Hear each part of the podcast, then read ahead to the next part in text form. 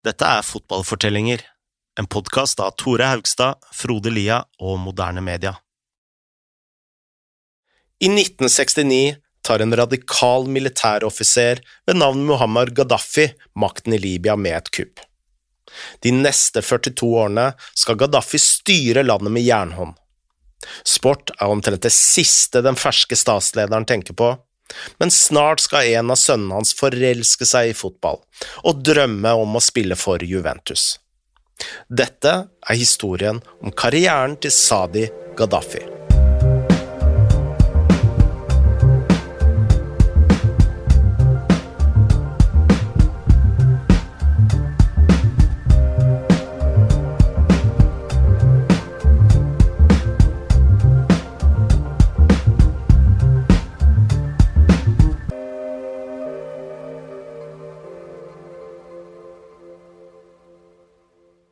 Libya er et ørkenland som ligger mellom Egypt og Algerie, med Italia på andre siden av Middelhavet. Da det ble selvstendig i 1951, var den store høvdingen kong Idris, og godeste Idris ble søkkrik da Libya oppdaget olje i 1959. Men ettersom Libya begynte å eksportere det svarte gullet på 60-tallet, følte flere at Idris beholdt for mye av rikdommen selv i stedet for å dele med folket. En av disse var Muhammar Gaddafi. Gaddafi var sønn av en kamelgjeter utenfor byen Sirtre langs nordkysten. På skolen leste han seg opp på historie og politikk, og utvikla et sterkt hat for kolonimaktene og Vesten generelt. Han gikk inn i militæret, hvor han bygga opp en hemmelig revolusjonær gruppe som planla å kaste ut kong Idris. Den 1. september 1969 slo denne gruppa til, og de trengte ikke løsne så mye som et skudd for å ta makta fra Idris. I en alder av kun 27 år var Gaddafi blitt landets leder. Gaddafi hevdet at han var folkets naturlige leder, og at alle ønsket at han skulle ta makten. Han begynte umiddelbart med å reforhandle Libyas kontrakter med oljeselskaper fra Vesten, slik at staten fikk beholde mer penger. Han hadde en drøm om å forene flere av de arabiske nabolandene, og han hata fortsatt Vesten, og han sponset en rekke terroristgrupper i utlandet. I 1975 publiserte han den såkalte Grønne boka, og denne var viktig for alle som bodde i Libya. For å forklare mer har vi fått med oss journalisten Mahar Mesahi. Han vokste opp i USA og Canada, men har foreldre fra Algerie og bor nå selv i Libyas naboland. Maher er en av de som egentlig kan mest om fotball i Nord-Afrika, og han hadde dette å fortelle oss om Gaddafis bok. He publishes, you know, a tract, the, the, the famous green book uh, of his, which is really uh, his philosophy of on life really but how to govern but also on life. How a, a, a, good society should be governed. And there are many different chapters in this green book. And I, I, if i'm not mistaken i even believe that the libyan flag was all green for a while after that, that green book. Um, and there is a, a chapter on sports in, in the famous green book. And he talks a lot about he doesn't name football but he, he talks about i believe wrestling horse racing a few other sports and how the masses are almost stupid to go there and watch people take part in sport. He doesn't understand that aspect of it at all. For him, playing sport or doing a, a physical activity is good. But going there to watch and applaud and cheer and somehow letting the, the result affect you morally, for him, these people are, are almost, he doesn't say stupid, but he says they're being exploited and so that really gives you an idea of his view on the industry of football.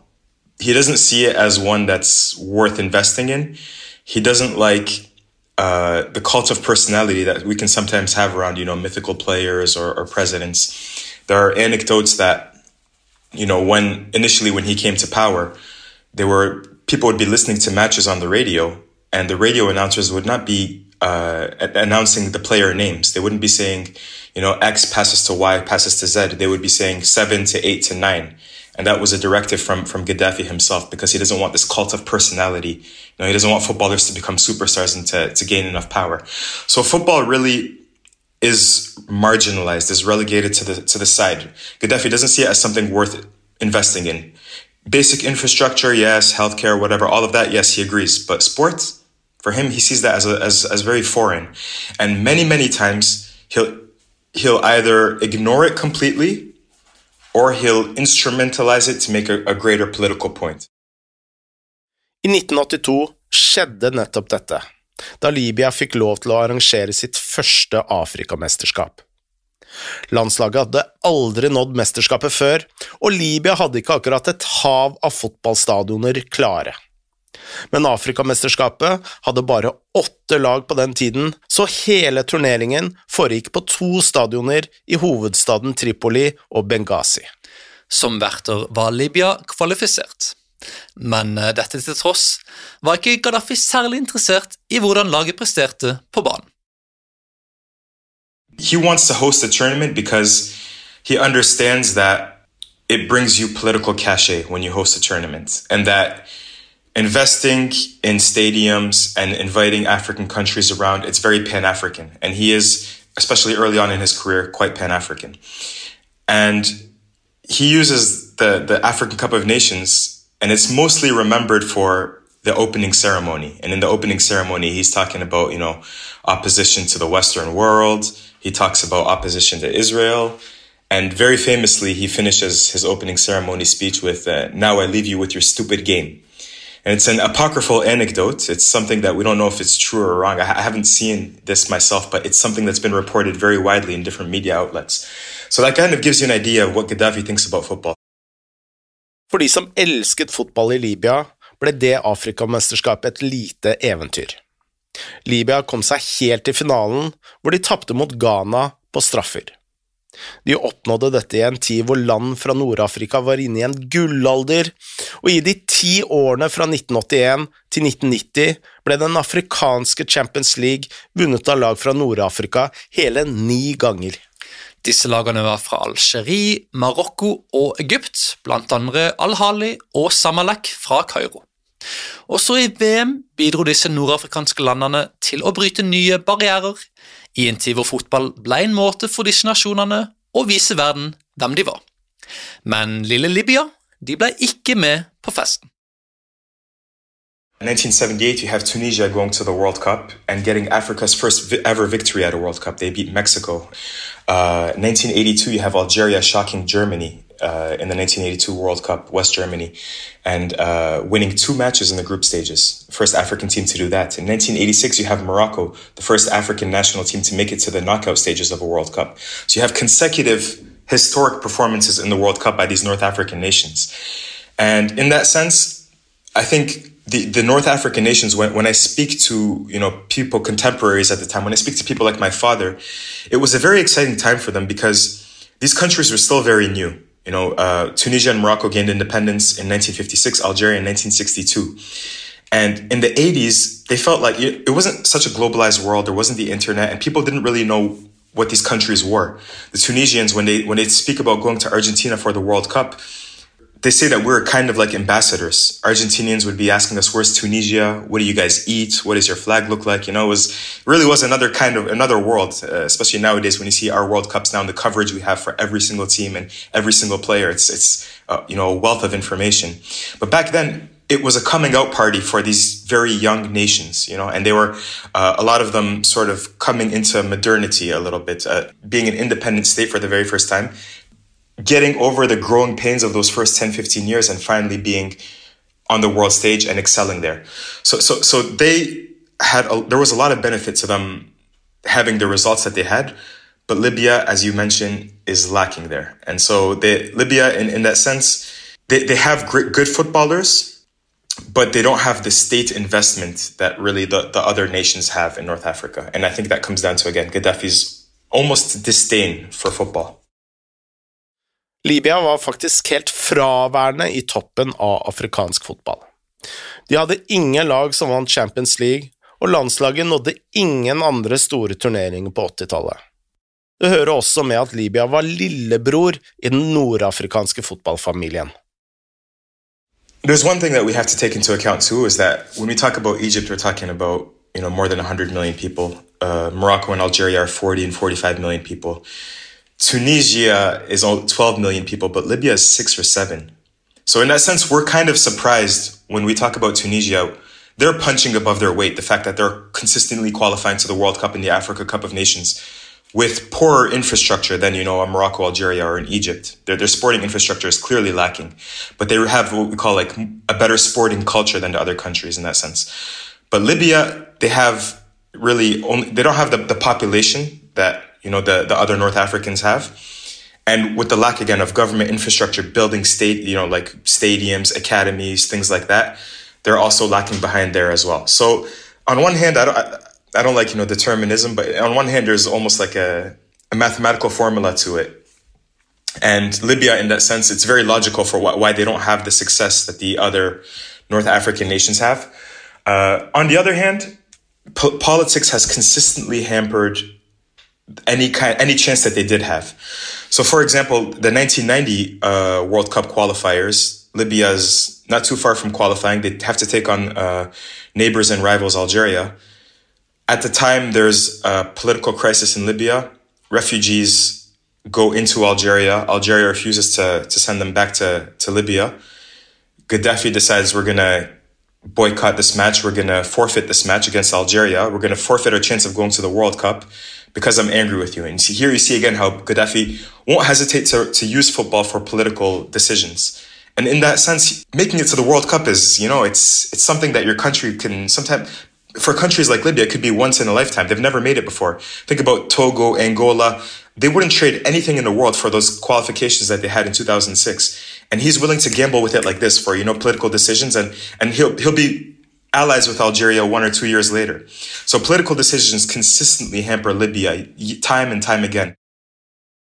Samtidig var Gaddafi opptatt av å ødelegge for USA.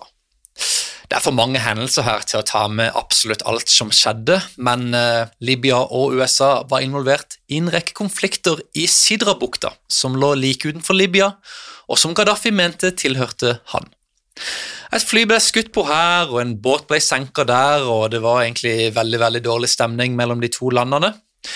Amerikanerne anklager i tillegg Gaddafi for å sponse terroristangrep mot USA, og i 1986 så følte amerikanerne at de hadde god nok grunn til å prøve å drepe Gaddafi med en rekke bombeangrep på Tripoli.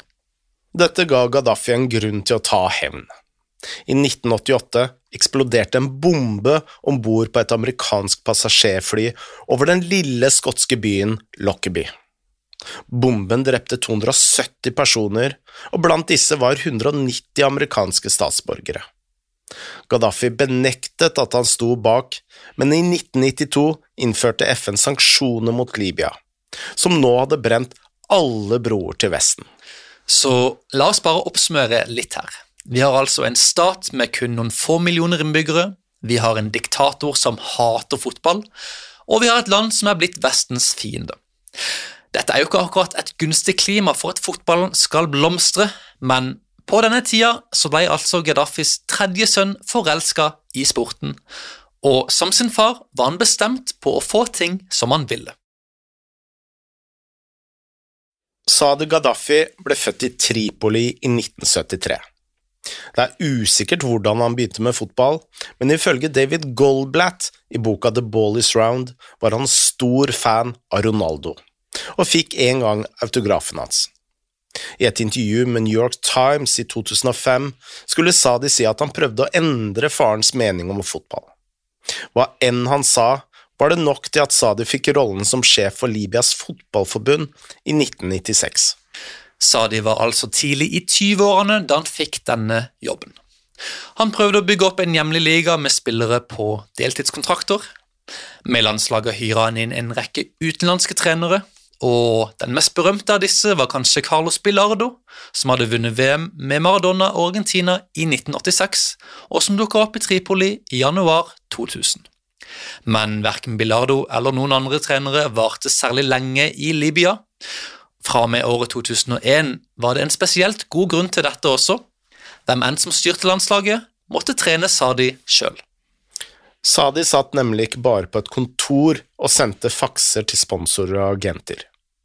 Han var selv en midtbanespiller, og ifølge Transfermarkt spilte han 18 kamper for Libya og skåret to mål. I den hjemlige ligaen spilte han først for Al-Aili Tripoli, og så var han både eier og kaptein for Al-Ijad, en av de største klubbene i landet. Britiske The Times har skrevet at ingen helt vet hvor mange mål han skåret i ligaen, eller hvor mange trofeer han vant. Ifølge de fleste lagkamerater og journalister var ikke Sadi i nærheten av å være god nok til å få kapteinspinnet til Al-Ittihad. Han var en høyrebeint, eh, såkalt teknisk offensiv midtbanespiller med ja, ganske bra teknikk, men han var veldig veldig treig, og han hadde ikke fysikken eller kondisen til å håndtere det øverste nivået. En klubb i andredivisjon hadde vært mye mer passende. The Guardian har sitert en tidligere landslagsspiller som sa at Sadi prøvde veldig hardt, men at han rett og slett ikke hadde nivået inne. Men siden han var Muammar Gaddafis sønn, så var det veldig mange spillere som var redde for å takle han. Som sjef for all fotball i Libya kunne Sadi gjøre som han ville, og det gjorde han. Han var den eneste som hadde navnet sitt bak på trøya, og kommentatoren sa navnet hans og refererte til resten av spillerne som nummeret. Franco Sciolo, italieneren som trente Libya i 2002, hevdet at han ble sparka etter å ha satt Sadi på benken. Som spiller er han helt ubrukelig, sa italieneren. Med ham i stallen tapte vi, så fort han dro, vant vi. Det finnes en historie her også som vi må fortelle, om hvor mye makt Sadi hadde i Libyas største fotballiga.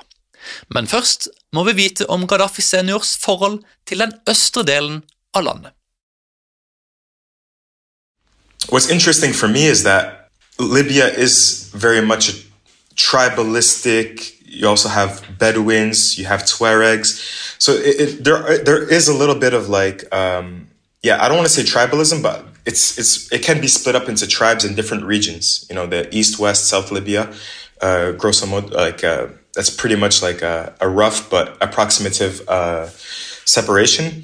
And so I think what Gaddafi does a decent job of is using people from different regions of Libya and incorporating them into his close circle. But the main criticism against him the entire time is that he neglects the East, which is Benghazi. Even uh, the clubs, you know, Ahli Benghazi, uh, for example, are always seen as a club that's neglected and or a club that's uh, oppressed a little bit by not only Gaddafi but also his son when he later he, when later he comes into uh, power with the Libyan Football Federation.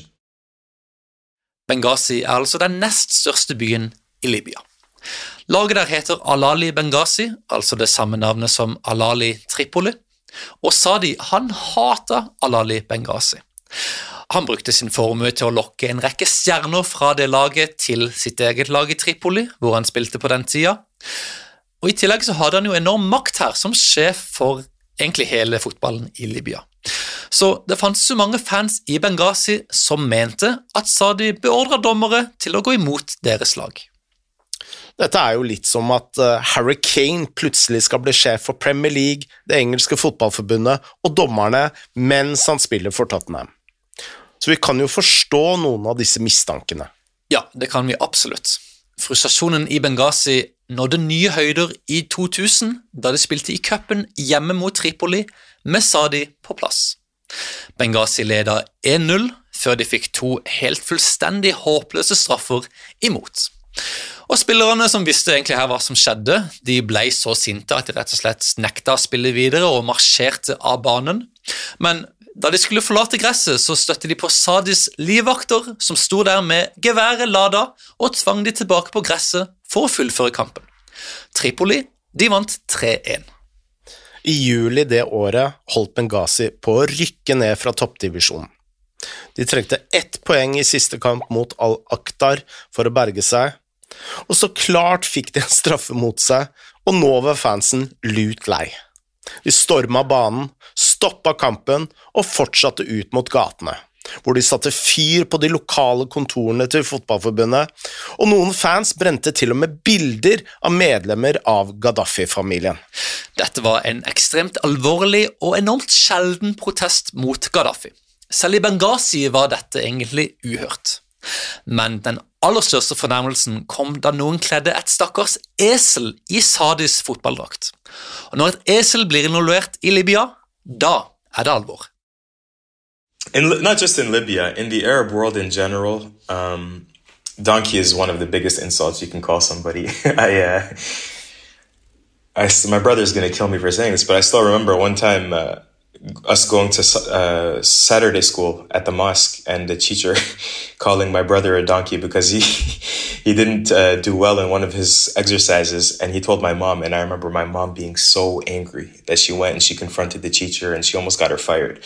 And uh, just to tell you like the the calling my son a donkey you know it's like it's like dog, donkey, uh, these are the animals. And the, the, sad thing is, you know, these are such loyal animals and they do so much hard work for you. They carry, you know, like they, they, how many stories do we know about dogs, you know, saving, you know, but yeah, that it's a very big insult in the Arab world to call somebody a donkey. Um, and so for him to be portrayed as a donkey is, uh, is I, I would assume he would be very insulted. Um, but I think that's also one of those things that's more just recounted uh, as an anecdote, I don't think that's the reason why he would take such a drastic decision to, to take action against the club, you know.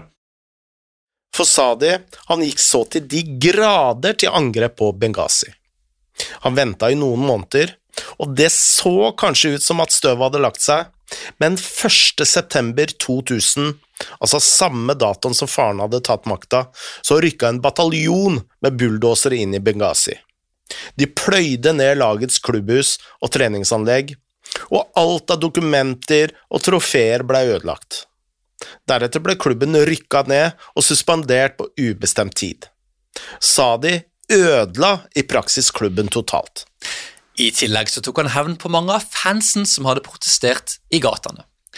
32 personer ble kasta i fengsel, og noen av disse visste ikke engang hva årsaken var til at de havna i kasjotten.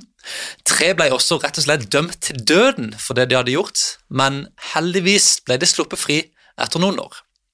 Alali Benghazi spilte ikke fotball igjen før i år 2004, da de fikk lov til å begynne igjen i andredivisjon. Innen det var Sadi ute av Libya. Han var ferdig med å tulle rundt i den hjemlige ligaen han ville spille fotball i utlandet, og det store målet var Serie A.